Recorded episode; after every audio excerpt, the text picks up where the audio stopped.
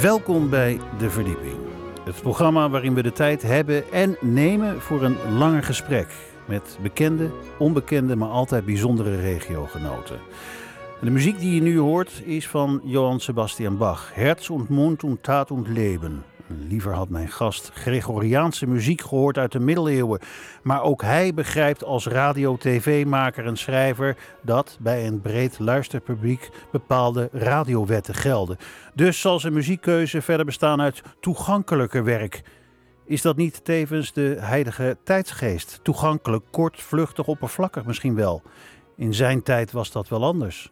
Maar is het zijn tijd nog wel? Of is hij, net als de hoofdpersoon Peter Walman in zijn roman Tijdverdrijf, op weg naar overbodig?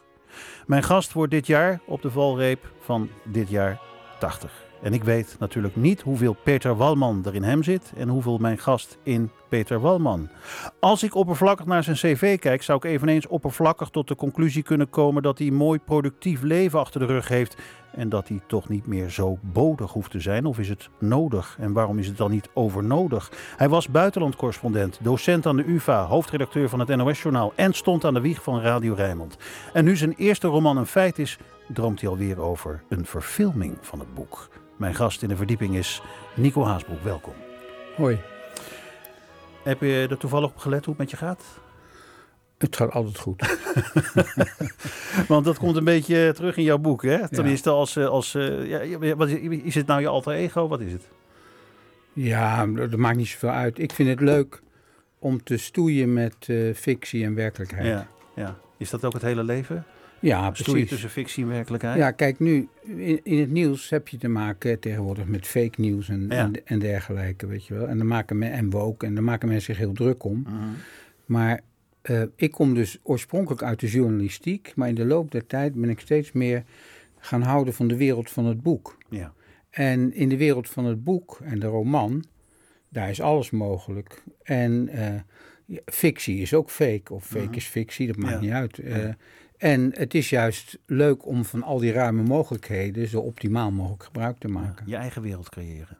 Ja, Ja, los van allerlei journalistieke wetten en eh, feiten en dat soort zaken. ja. Hoe vind je het om hier bij Rijnmond te zijn? ik vind het eh, gezellig. je hoeft niet politiek correct te zijn hoor. Nu- Nee, ik, kijk, ik, ik, ehm, ik vind dat er niet zoveel veranderd is als ik hier in die studio zit. Mhm. Het is gewoon nog een klassieke st- radiostudio, Ja. weet je wel. Ja. En ehm, ehm, in die zin lijkt het op de studio eh, in het vorige gebouw waar ik eh, als laatste was. Even voor de luisteraar die nog betrekkelijk nieuw is. Hè. We, we hebben ooit aan de, aan de Maternesselaar Ja. gezeten. En daarvoor nog, nog in de Delftse straat natuurlijk. Ja, dat noemden we Medisch Centrum West. Mediacentrum West. Ja, precies. En er is nog steeds daar op de witte muur eh, het logo Ja. met eh, de, de frequentie 93.4. Dat ook, moet ik ook even uitleggen. voor de, voor de nee, maar dat vinden mensen leuk. Die Ja, nee, daar- nee, maar ik moet even uitleggen. Want Ja. eh, waar wij zaten inderdaad aan de Maternesselaan, had je het gebouw daarnaast. Hè? Dat was het schroeverspand. En daar, daar, daar zat de tv-afdeling van, van Rijnmond, na 2000 geloof ik. En daar staat op geschilderd FM 93.4. Ja, ja, Heel groot. ja. Dat pand, daar zitten we al lang niet meer. Maar Nee. ik heb begrepen dat het is overschilderd. Dus opnieuw is ja, omdat ze het zo mooi vonden. Ja, ja. Dus het is een soort monument dat is toch eigenlijk. leuk, een soort Ja? eh, herinnering. ja. Maar kijk, ik heb, eh, ik vind, radio vind ik het mooiste medium dat er is. En dat blijf ik wel vinden, ondanks het feit dat ik literatuur interessant vind en zo. Dus ik hou van, van radio. En dan is de rest, dat is eh, allemaal cosmetisch. van hoe de studio eruit ziet Mhm. en, en hoe de microfoons hangen en dergelijke. Het gaat mij om het basisidee van... dat je een medium hebt dat ruimte biedt aan de fantasie. Ja, dan komen we weer terug als bij wij praten, fictie. Ja, en dat mensen gaan denken, eh, wat, wat hoort er bij die stem? Hij Mhm. klinkt een beetje nasaal, hè, Mhm. mijn stem. Mhm. En ehm, de, ja, er zit misschien ook nog wel iets jeugdigs in. Hoe oud zou die man zijn? Mensen gaan er allemaal heb ik al verklapt. dingen bij bedenken. Ja, men- mensen gaan er dingen bij bedenken. Ja, ja. Je mentale scherm wordt aangezet. Ja, en dat is het mooie van, van radio. Het, het, het was altijd, en het moet het nog zijn, het snelste nieuwsmedium. En eh, het, het verbeelding aan de fantasie. En ik vond gewoon het idee dat wij ergens zitten en dat door de lucht ons geluid zich verplaatst en bij mensen komt die heel ergens anders zitten, een situatie die wij niet kennen. En dat we, als het goed is, eh, met die mensen een soort contact krijgen en iets teweeg brengen, herkenning. Mhm. Mag ook woede zijn of boosheid, eh, maar dat er iets gebeurt. Ja. Ja, dat vind ik iets magisch. En dat, dat vind ik veel leuker dan hoe het hier precies is en wat er hier veranderd is Ja. en zo. Dus j- jij hebt eigenlijk ook wel, eh, je bent niet echt fan van wat ze dan tegenwoordig visual radio noemen. Hè? Dat het allemaal maar te zien moet zijn. Nou, daar, daar zijn wij in de tijd ongeveer mee begonnen. Mhm. Dat noemden we kijkradio. Ja. Ja. En dat was omdat ehm, eh, de, de, eh, wij zagen dat er voor de regionale omroep in dat tijd de mogelijkheid kwam om televisie te maken. We zagen de mogelijkheid dat er reclame kwam. Die was er eerst ook niet. En toen dachten we, als je en reclameinkomsten hebt en televisie mag doen en je mag er ook reclame op doen, Mhm.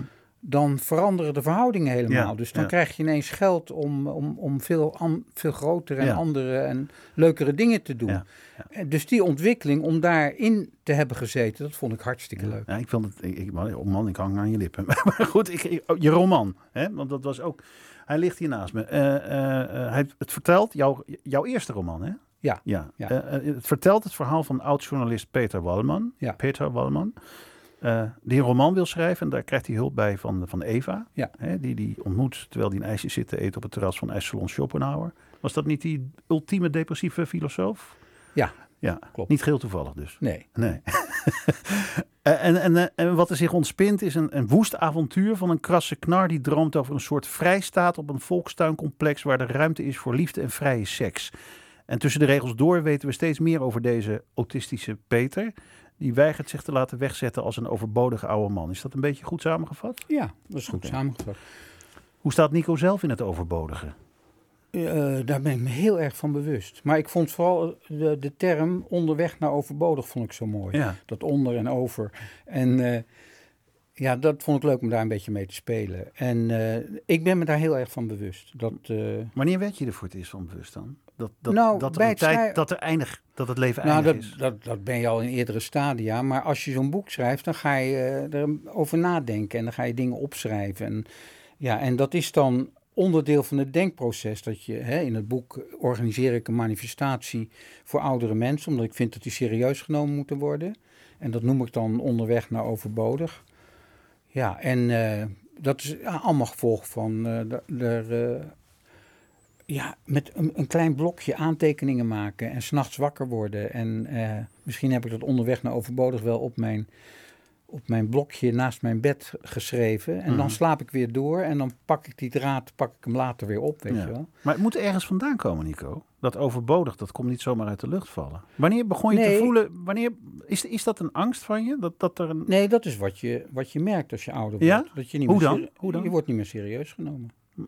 maar, maar leg, kun je Nou, in het boek heb ik allerlei voorbeelden. Ja, weet ik, maar ik wil het nu van jou horen. Ja, je, je- allerlei voorbeelden van gegeven.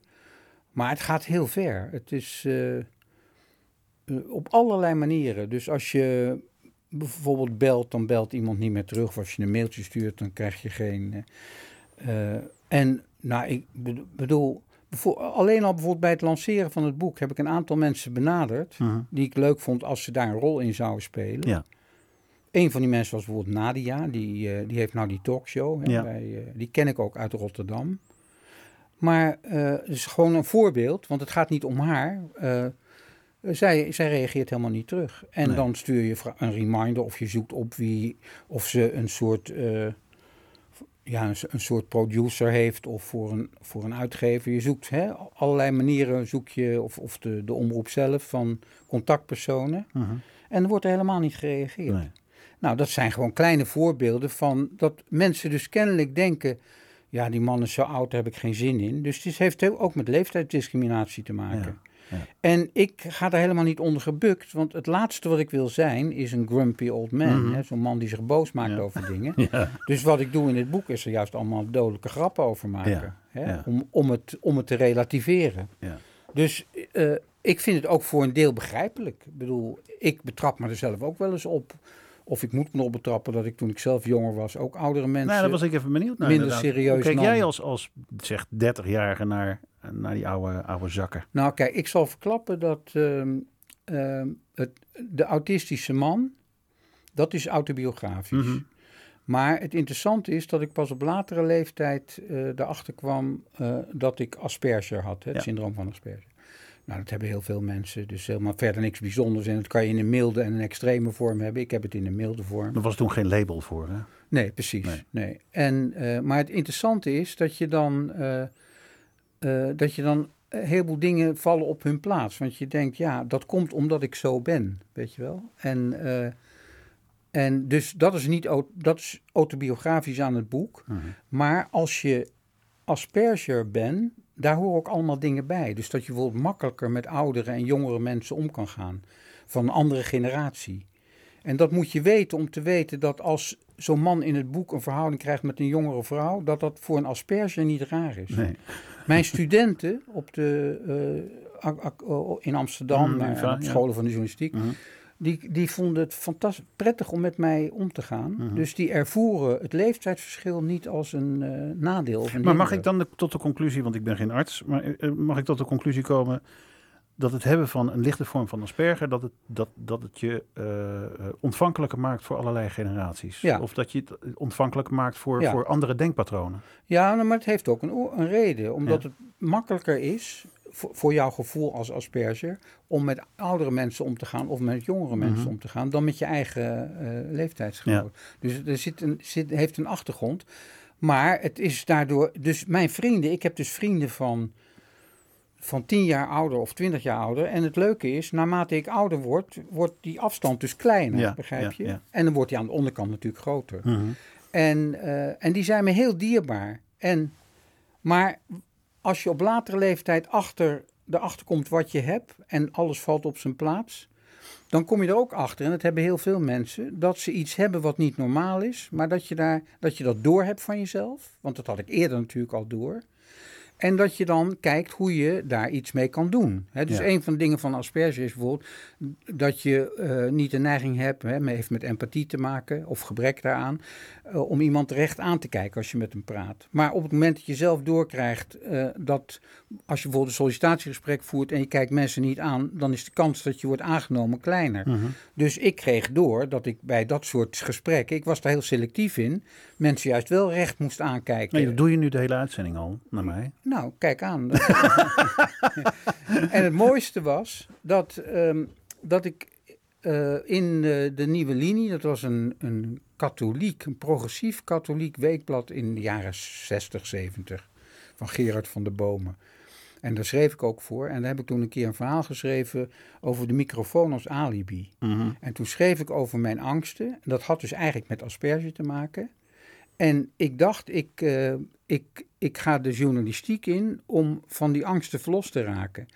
Betekent dus dat ik al wist dat ik wat had. Ik wist niet hoe je het moest noemen. Dat was in die tijd ook niet bon ton om dat zo te noemen. Maar ik, ik was er wel mee bezig, Mhm. begrijp je? Ja. En mensen later, thera- therapeuten, psychologen waarmee ik in gesprek kwam, die vind- vinden dat dus heel interessant. Dus wat je van jezelf, wat je zelf daarin herkent en hoe je daar zelf mee omgaat in je leven. Ja. Know thyself. Ja, Hè? Ken ja. jezelf. Ja. Dat, dat is volgens mij het belangrijkste gereedschap wat je, wat je kunt hebben. Ja, en, en zo Verba moet je... verbaas je je nog wel eens over jezelf? Ja, voor, voor regelmatig.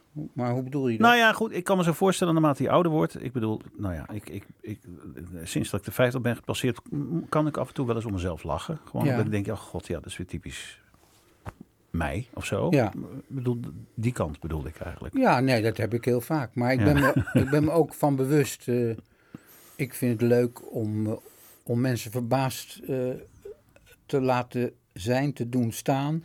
eh, door wat ik doe, weet je. Ik was Mhm. bijvoorbeeld vorige week in Tilburg bij, bij die opleiding van de journalistiek. Ja. ho- hogeschool. Ja.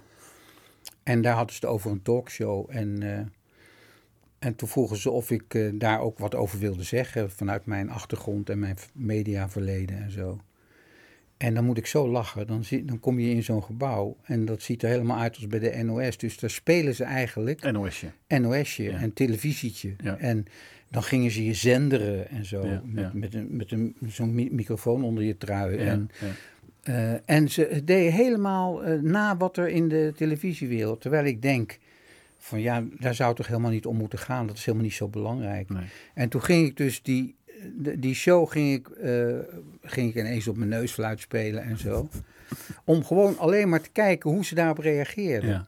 En ze deden net zo als, ehm, als in de gewone talkshows van op één. Mhm. Dat is allemaal een soort automatisch patroon geworden. Ja. En dat is krankzinnig, want ehm, ik had dus in de kantine daar van die school... had ik een stukje uit mijn boek voorgelezen... waarin ik een talkshow ook op de hak neem. Mhm. En daar moest iedereen enorm om lachen. Het is ook wel leuk. Het is, en, eh, en toen ging ik het voorlezen. En toen die jongen die mij interviewde, die ging dus dat gelijk kort wieken. Dus die, die zit niet te luisteren van is dit leuk? En zolang het leuk is, is het voor de kijker of voor de, voor de luisteraar leuk. Maar die zat met zijn eigen draaiboek en zijn eigen klok. Ja. En eh, die liet dus niet, bedoel, je zou ook kunnen vragen van hoe kom je aan die neusfluit en is het moeilijk om te spelen? En wil je verder bij de uitzending zacht op de achtergrond neusfluitmuziek? Maar weet je wel, je kan er allemaal eh, dingen bij bedenken. Maar hij zag het als iets, een inbreuk in zijn, in zijn manier van bezig zijn. Is, dat, is dat ook wat je tegenwoordig bij al die talkshows ziet? Dat Ja. ze vooral met vragen bezig zijn? Ja, en dan denk ik, Reuze gooi, interessant. open en Reuze interessant. Gaat u vooral verder? Zoiets, toch? Ja. Ja, ja, ja, ik moet er heel erg om lachen. Het, heeft, het is een heel verkrampt format en, eh, en het wordt door baasjes bedacht en er moet eh, gescoord worden. Het hoeft helemaal niet. Een publieke omroep hoeft helemaal geen kijkcijfers te scoren. Die krijgt Oh, ja. juist geld om programma's te maken. Vind- hoe, En- kijk je, hoe kijk je naar dat duale systeem eigenlijk? Want eh, de publieke omroep krijgt ook inkomsten uit stergelden. Ja, En ja. eh, volgens mij van de week werd bekend dat juist die stergelden, eh, dat, dat er meer ruimte komt om stergelden binnen te harken. En dat er dus minder subsidie komt voor de publieke omroep. Ja, dat is echt belachelijk. Ik heb ehm, in de tijd, eh, toen ik, nadat ik bij het journaal gezeten had, het NOS-journaal, heb ik een, een verhaal geschreven in de Volkskrant over een nieuw mediabeleid. Mhm. En eh, toen was er een man in Den Haag, Antoni Daken, een ondernemer en ook een journalist die een verleden had in de journalistiek bij de NOS. Hij was ook buitenlands correspondent in Rusland, hij heeft in Indonesië gewerkt, interessante man. En eh, die vroeg toen van, ik vind dat zo interessant, kun, kun jij voor mij komen werken? En toen ben ik toegetreden tot de APO, andere publieke omroep. En dat was eigenlijk een groepje mensen die nadachten over hoe kan je de publieke omroep verbeteren in Mhm. tijden van bezuinigingen, want dat Ja. speelde ook nog. Ja. En hoe kun je dat analyseren?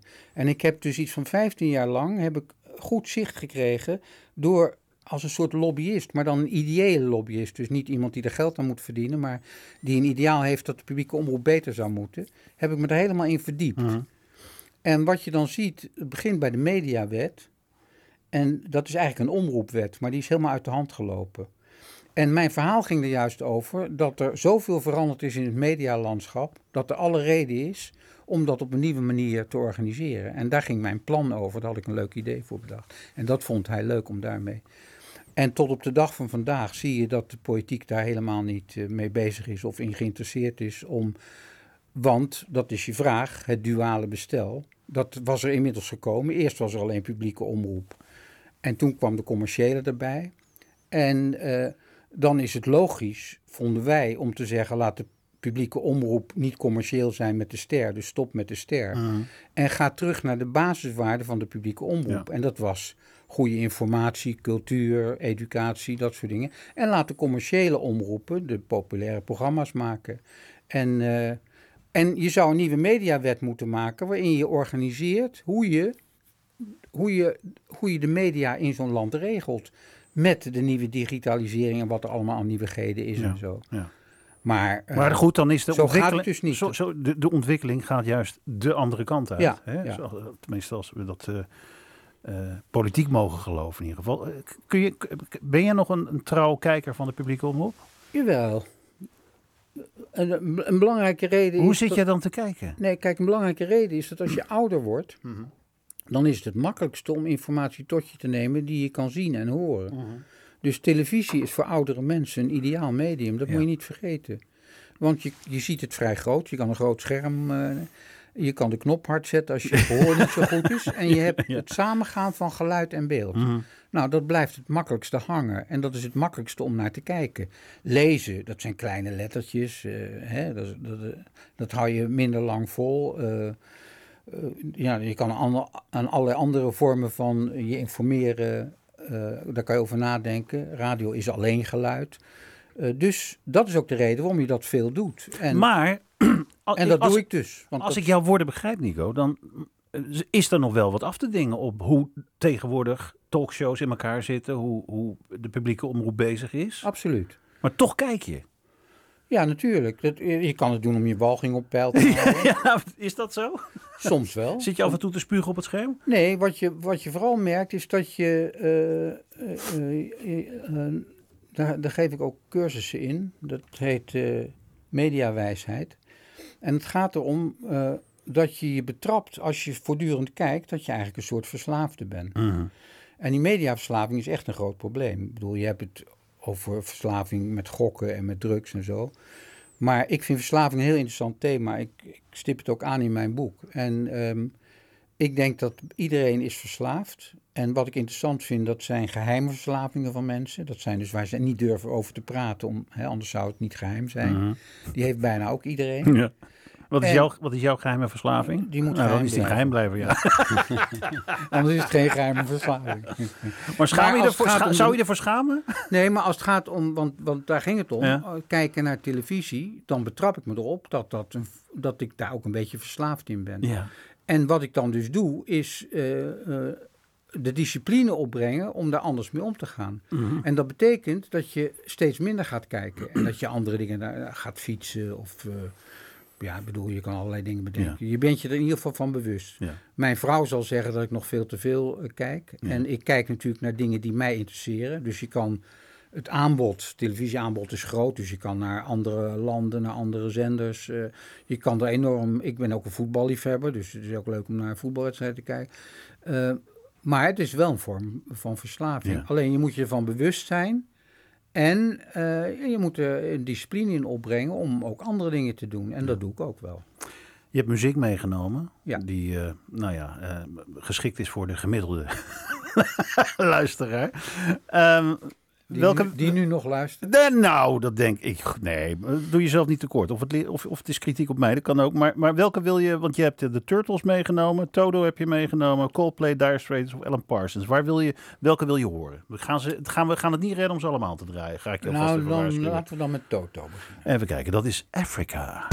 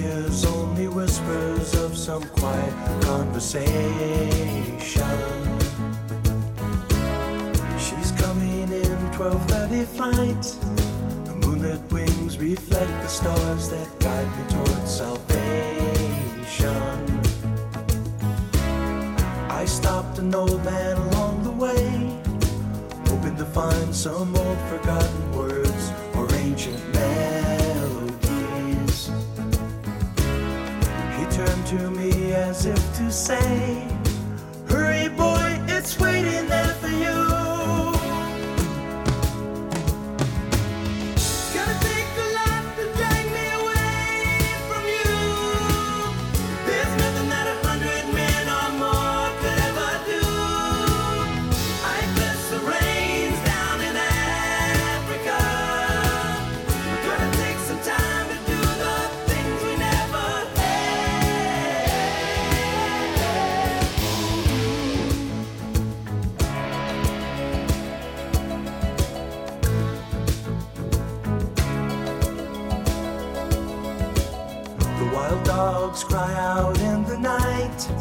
as they grow restless, longing for some solitary company.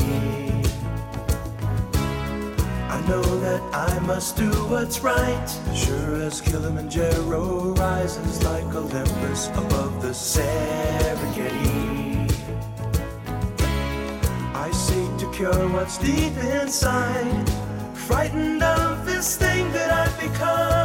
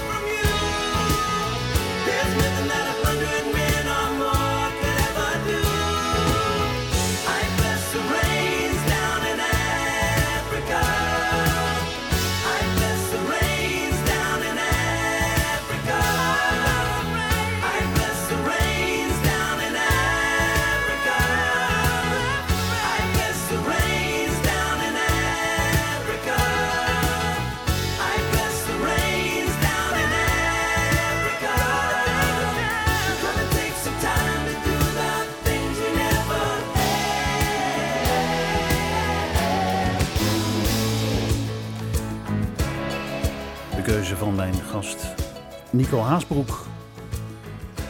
Ja, aan de wieg gestaan van eh, Radio Rijnmond. Ja, Eigenlijk zit ik hier dankzij jou, ja. Dat kan je zegt zeggen. hij ook zonder enige bescheidenheid. Nee, het is meer het, leuk. Het is, het is wel zo, toch? Ja. Eh, 1983 volgens mij Ja. had jij eh, Erik Post om je heen verzameld, Hans van Vliet.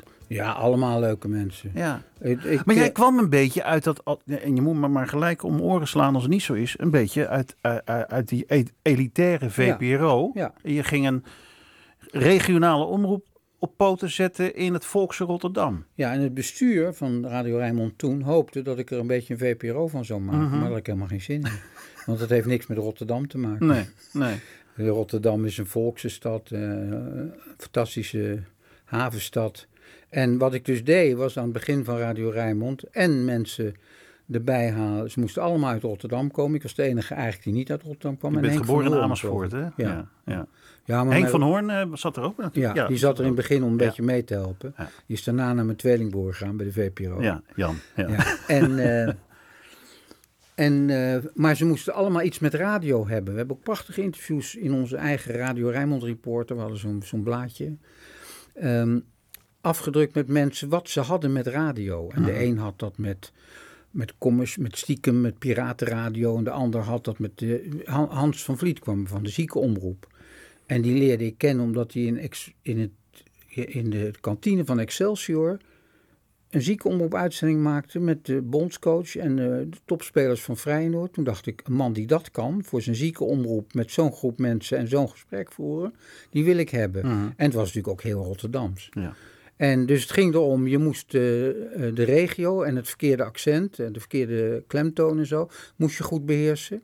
En eh, je moest gek zijn op het medium radio. Daar moest je iets mee hebben. En dat had Erik Post bijvoorbeeld. Dat was een echt radioman in hart en nieren. Had bij de VARA ook fantastische dingen gedaan. Ik dacht, zo iemand wil ik hebben. Ja. En, eh, nou, en, dat, en het maakte mij niet uit. Er moest juist veel afwisseling in zitten. Eh, Hans van Vliet was, was een, een rechtse... Zijn vader was een, een rechtse socialist. En Dat was ook heel erg Rotterdams. De Mhm. Ja. PvdA in Rotterdam was helemaal niet eh, progressief of zo. Dat wa- was veel conservatief. Dat hoorde bij de stad. En uit die hoek kwam hij. Maar ja, hij sprak zoals je in cafés mensen Mhm. hoorde praten. Borrelpraat. Ja. Seksistische Ja, grappen en zo. Maar als je erbij wil horen en mee wil doen... en je wil een weerspiegeling zijn van de samenleving... dan moeten dat soort mensen ook een plek Mhm. hebben. Ja. Nou, die heeft, zich, die heeft echt fantastische dingen voor Rijnmond gedaan. Denk alleen maar aan die marathon. Dus dat, dat je De op New York Marathon. ja, nee, maar dat je op het de- idee ja. komt om actief iets met je luisteraars te doen. Mhm. En het idee van de ruilbeurs, dat was ook van hem, dat was geniaal. Dus dat je met mensen die weinig geld hebben, dat je die op een leuke manier in de gelegenheid stelt om dingen met elkaar te ruilen. Ja. En dat iemand dan zegt, ik wil van mijn vrouw af, kan ik die ruilen? Weet je, dat hoort er allemaal bij. Maar, dat, maar de basis, Zou het, nu, zou het nu nog kunnen, Nico? In zou- dit huidige het medialand? zou nu nog moeten. Ja. Want er is in dat opzicht niks veranderd. Er zijn nog steeds arme mensen. Mhm. En wat ik ook niet begrijp, dat is als je goede programma's hebt, dat je die vervangt door programma's die minder goed zijn. Daar snap ik helemaal niks van. Ja. We hebben zoveel leuke dingen bedacht in de tijd. Het motorpaleis, ik zal er niet mee, mee pochen of zo. Want, eh, maar ja, het was live en het was, je hoorde die motor en het ging overal heen. En het was, het was improviseren en het was lachen. En, en we, hadden, we hadden een verzoekplatenprogramma uit en thuis. En dan ging John Buisman met een taxichauffeur. En die ging gewoon ergens in de stad mensen ophalen. Moet je nagaan dat we zo populair waren. Dat waar je ook aanbelde, kenden ze dat programma. Ja. En hoeft u dat niet uit te leggen, maar zeiden ze gelijk: ja, ik, kan, wil wel mee, maar ik moet op tijd thuis zijn om spruitjes voor mijn man te kopen Mhm. en zo. We zeiden: nou, belt u maar even. En dan ging zo iemand, zo'n vrouw, haar man bellen en zeggen: ja, ik ga met Rijmond mee in de, in de taxi naar eh, de studio, maar eh, dan, dan eten we wat later. Weet je, al dat soort, dat hoorde zo bij de samenleving. En dat waren zulke leuke programmatypen. Dat ik begrijp nooit waarom je daar, daar dan eh, bijvoorbeeld dat eh, vervangt door non-stop muziek of zo. Mhm. Dat heeft niks met regio te maken of eh, nou ja, dat soort dingen. Het- Ja. het- Ik, ik heb wel eens een keer toen ik freelancede bij de NOS te horen gekregen, toen ik ook freelancede bij Rijnmond, ehm, van ja, wat is dat voor club waar jij voor werkt? Want het, het, het- hoe, hoe werd er in Hilversum gereageerd op deze eigenwijze omroep? Op een typisch Hilversumse manier. Ja. Namelijk dat ze door hadden dat wij eh, enthousiast waren en origineel waren. Ja. En dat ze dus dachten, eh, mensen die, eh, die, die daarin meegaan, dat zijn dus mensen die radio snappen en kunnen Mhm. improviseren. En die Ja. willen wij hebben. Dus een heel groot deel van de mensen van Radio Rijnmond, die zit nou in Hilversum. Mhm. Dus we waren gewoon een kweekvijver. ja. En vervolgens ging het erom, zou het leuk zijn als mensen zeggen, we gaan iets van die originaliteit naar Hilversum overhevelen. Maar wat je zag, dat, dat een groot deel van die mensen zich daarna ging richten naar het systeem van Hilversum en naar de regels van Hilversum. Jij hebt je ook en al... het spel daar meespelen. En dan denk ik, why? Maar dat deed jij ook niet als hoofdredacteur van het NOS-journaal. Dat Ik heb niet altijd applaus op, heb ik het idee. Nee, ik heb geprobeerd dat ook niet te doen en daar Nou ja. anders mee om te gaan. Je, je probeerde bij de NOS, volgens mij, eh, toch ook enige frivoliteit. Ja, ja, ja. Maar dat Nou kijk, je hebt natuurlijk te werd niet altijd in... eh, Nee, kijk, je hebt te maken bij het NOS-journaal met als basis dat je eh, het nieuws van de dag moet brengen. Mhm. Dus daar moet je, bedoel, als je dat niet wil, dan moet je daar geen hoofdredacteur van willen zijn. Maar ik weet nog wel dat toen ik daar kwam, dat, dat ik eh, begreep hoe, hoe dat soort dingen werken. Als, als er een oude hoofdredacteur is, dan moet er nieuwe iemand zijn die anders is. mhm. Dus ik vroeg gelijk in het eerste sollicitatiegesprek van eh, het NOS Journaal is het nummer één programma in Nederland qua kijkdichtheid en, en ehm, hoe belangrijk vinden jullie dat? Want jullie zullen daar wel trots op zijn. Ja. Nou, dat vonden ze heel belangrijk. Toen zeiden ze, als je iemand aantrekt die de boel gaat veranderen, dan loop je kans dat het niet meer het nummer één programma wordt. Besef je wat je doet als je dat eh, doet? Nou, daar schrokken ze van. Toen zei ik van, nou, we kunnen het geleidelijk doen. ja. En, eh, want alles is voor verbetering vatbaar. En toen heb ik wel een aantal dingen gedaan die juist principieel waren en ook origineel waren. En, maar die te, die op die manier die te maken hadden met het maken van een nieuwsprogramma. Dus bijvoorbeeld, ik noem maar wat. eh, eh, heel veel we zijn begonnen met allerlei vormen van onderzoek om erachter te komen. Ja, hoe het, het, het eh, NOS-journaal, hoe dat valt. En, en, en hoe dat en hoe dat is ten opzichte van andere programma's. Dus enquêtes zonder correspondent. Dus onderzoeken met, met publiek. En dan bleek bijvoorbeeld dat het publiek. Eh, dat er heel veel mensen waren die het NOS-journaal niet kenden. Want als je 2 miljoen mensen hebt en je hebt een bevolking van 18 miljoen. Dan kijken dan 16 zijn nog er altijd niet. die niet kijken. Waarom kijken niet? Daar was ik veel eh, nieuwsgieriger naar. Ja, ja. En bleek, als je dat liet horen, dan zei ze: God, dat is eigenlijk best interessant. Daar ga ik toch eens vaker naar luisteren. En toen ging bijvoorbeeld het, het NOS-journaal uitzenden s'nachts. Als mensen terugkwamen uit de disco, heet dat vroeger, de- uit de clubs, weet je wel, gewoon van, van, van het vertier. Ja. En dan, na- dan zagen ze ineens het is NOS-journaal en daar pikten ze dan wat van mee. En dachten ze, hé, dat is toch leuk om eens naar te Ja. kijken. Want wij kwamen dus achter dat ze gewoon niet wisten dat er een NOS... Ze hadden een ander leefpatroon, wisten zij veel, Mhm. Ja. weet je. Nou, al dat soort dingen, ik kan, ik kan daar oneindig eh, veel voorbeelden van geven.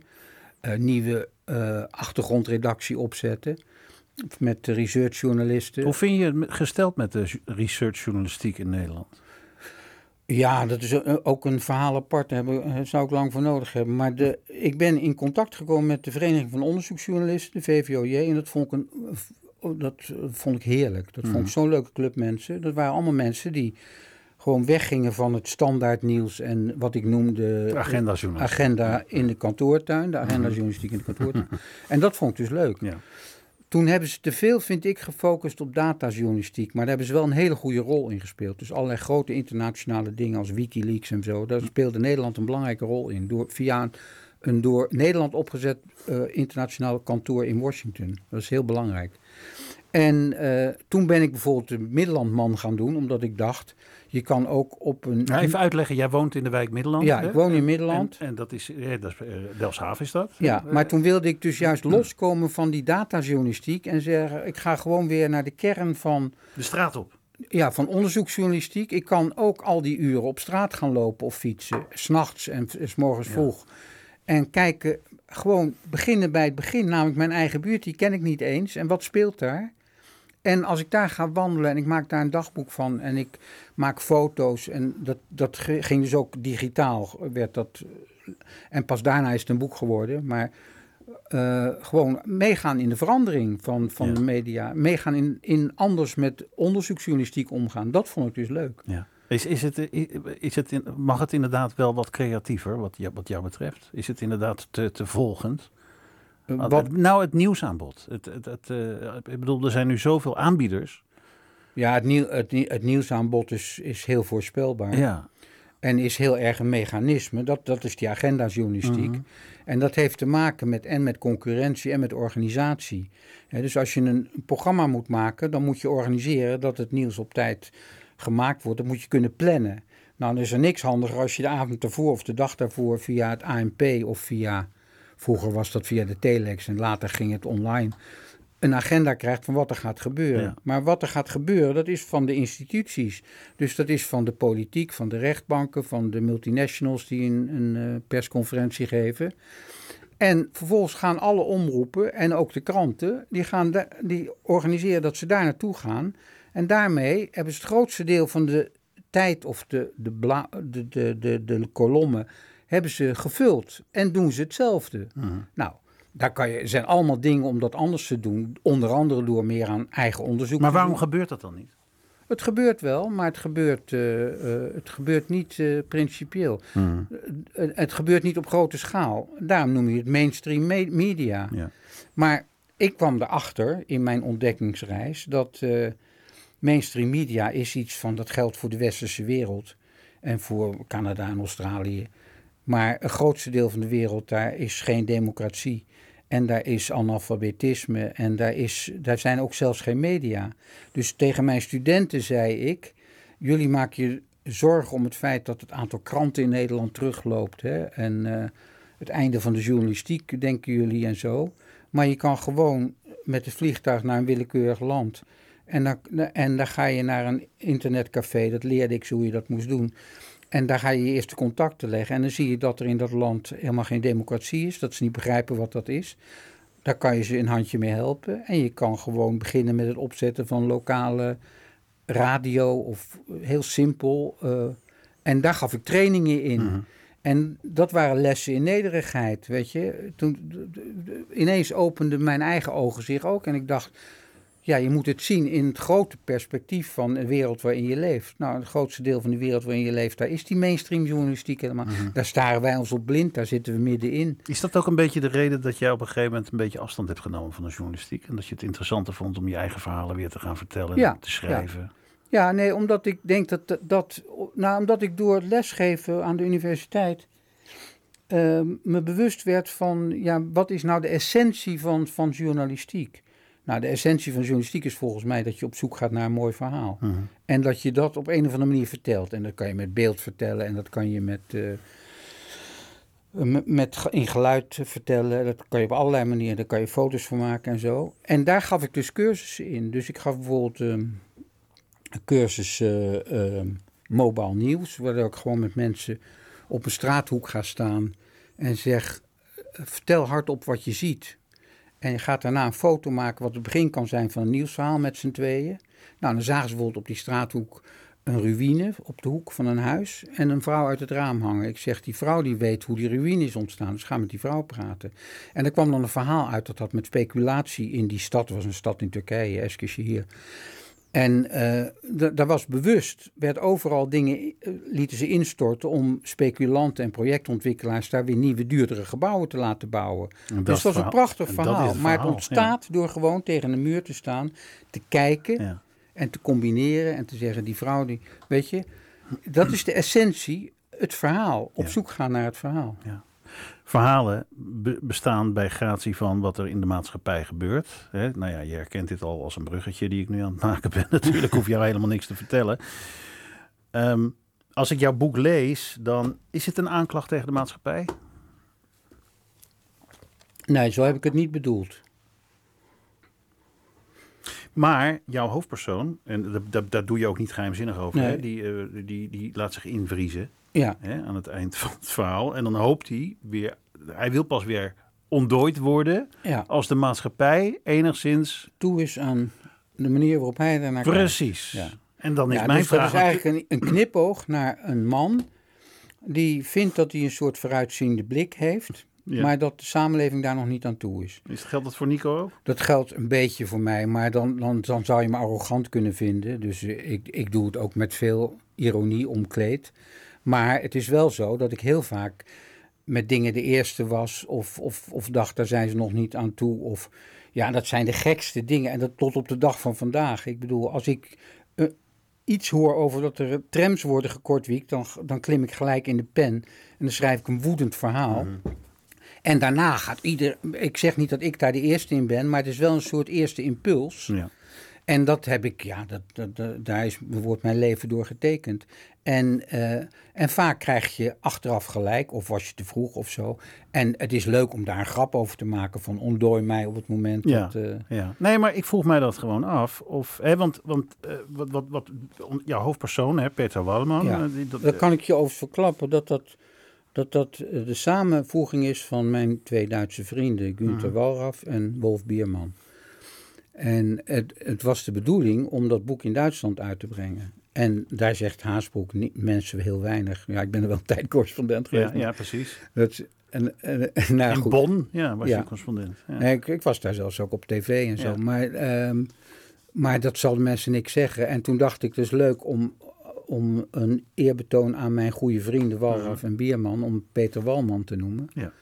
En door de corona kwam daar een spaak in. Eh, dus, eh, maar we gaan kijken of dat alsnog kan. Weet je, of het boek in, Er het Duits, komt- komt in het Duitse taalgebied kunnen. Daar Er zijn we mee bezig. Ja. De verfilming komt er, en er komt een Duitse versie. Nou, een verfilming. Ja, dat, dat, wil jij zelf. Je hebt een oproep ik- gedaan ja, nee, ik heb er een leuk stukje over geschreven, omdat ik denk Nou, ik, ik, dat het, dat het nam hem heel heel serieus, hoor. filmen, dat verhaal. ik, denk, ik nam het heel serieus. Maar ik, moet nog zien dat dat gaat gebeuren. Ehm ah, verdorie, we zitten alweer bijna... Nou, we hebben nog, we hebben nog zes minuutjes. Ehm, ja, nee, ik, ik, ik, ga toch aan je vragen. Wat, zit je, zit je in, eh, wat is jouw favoriete decennium?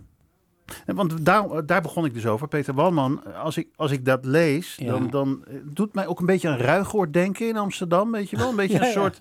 Ja, een beetje een soort, soort eh, anarchistische vrijstaat binnen, binnen het, het bekrompen. In, in, een, in een bekrompen maatschappij. Hè, Ja. Dat even uitleggen voor de luisteraar. Ja, Peter je- Walman die wil van zijn, tuin, van zijn volkstuincomplex Een lusthof maken. een lusthof maken. Ja. Met huisjes waar lampjes hangen die rood of groen kunnen. En als ze op groen staan, dan ben je ontvankelijk voor lichamelijk of geestelijk vertier. Ja, Ja. klopt. Maar dat is, de, wat, dat ik dat schreef, ja, dat is eigenlijk zo ontstaan. Omdat ik in een huisje zat op een tuin. En zo kwam dat idee.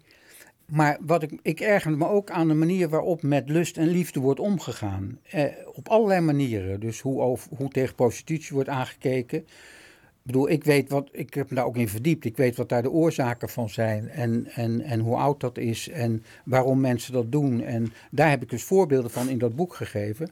Maar wat ik ook heel raar vind, is de moderne manier waarop online met seks en liefde wordt omgegaan.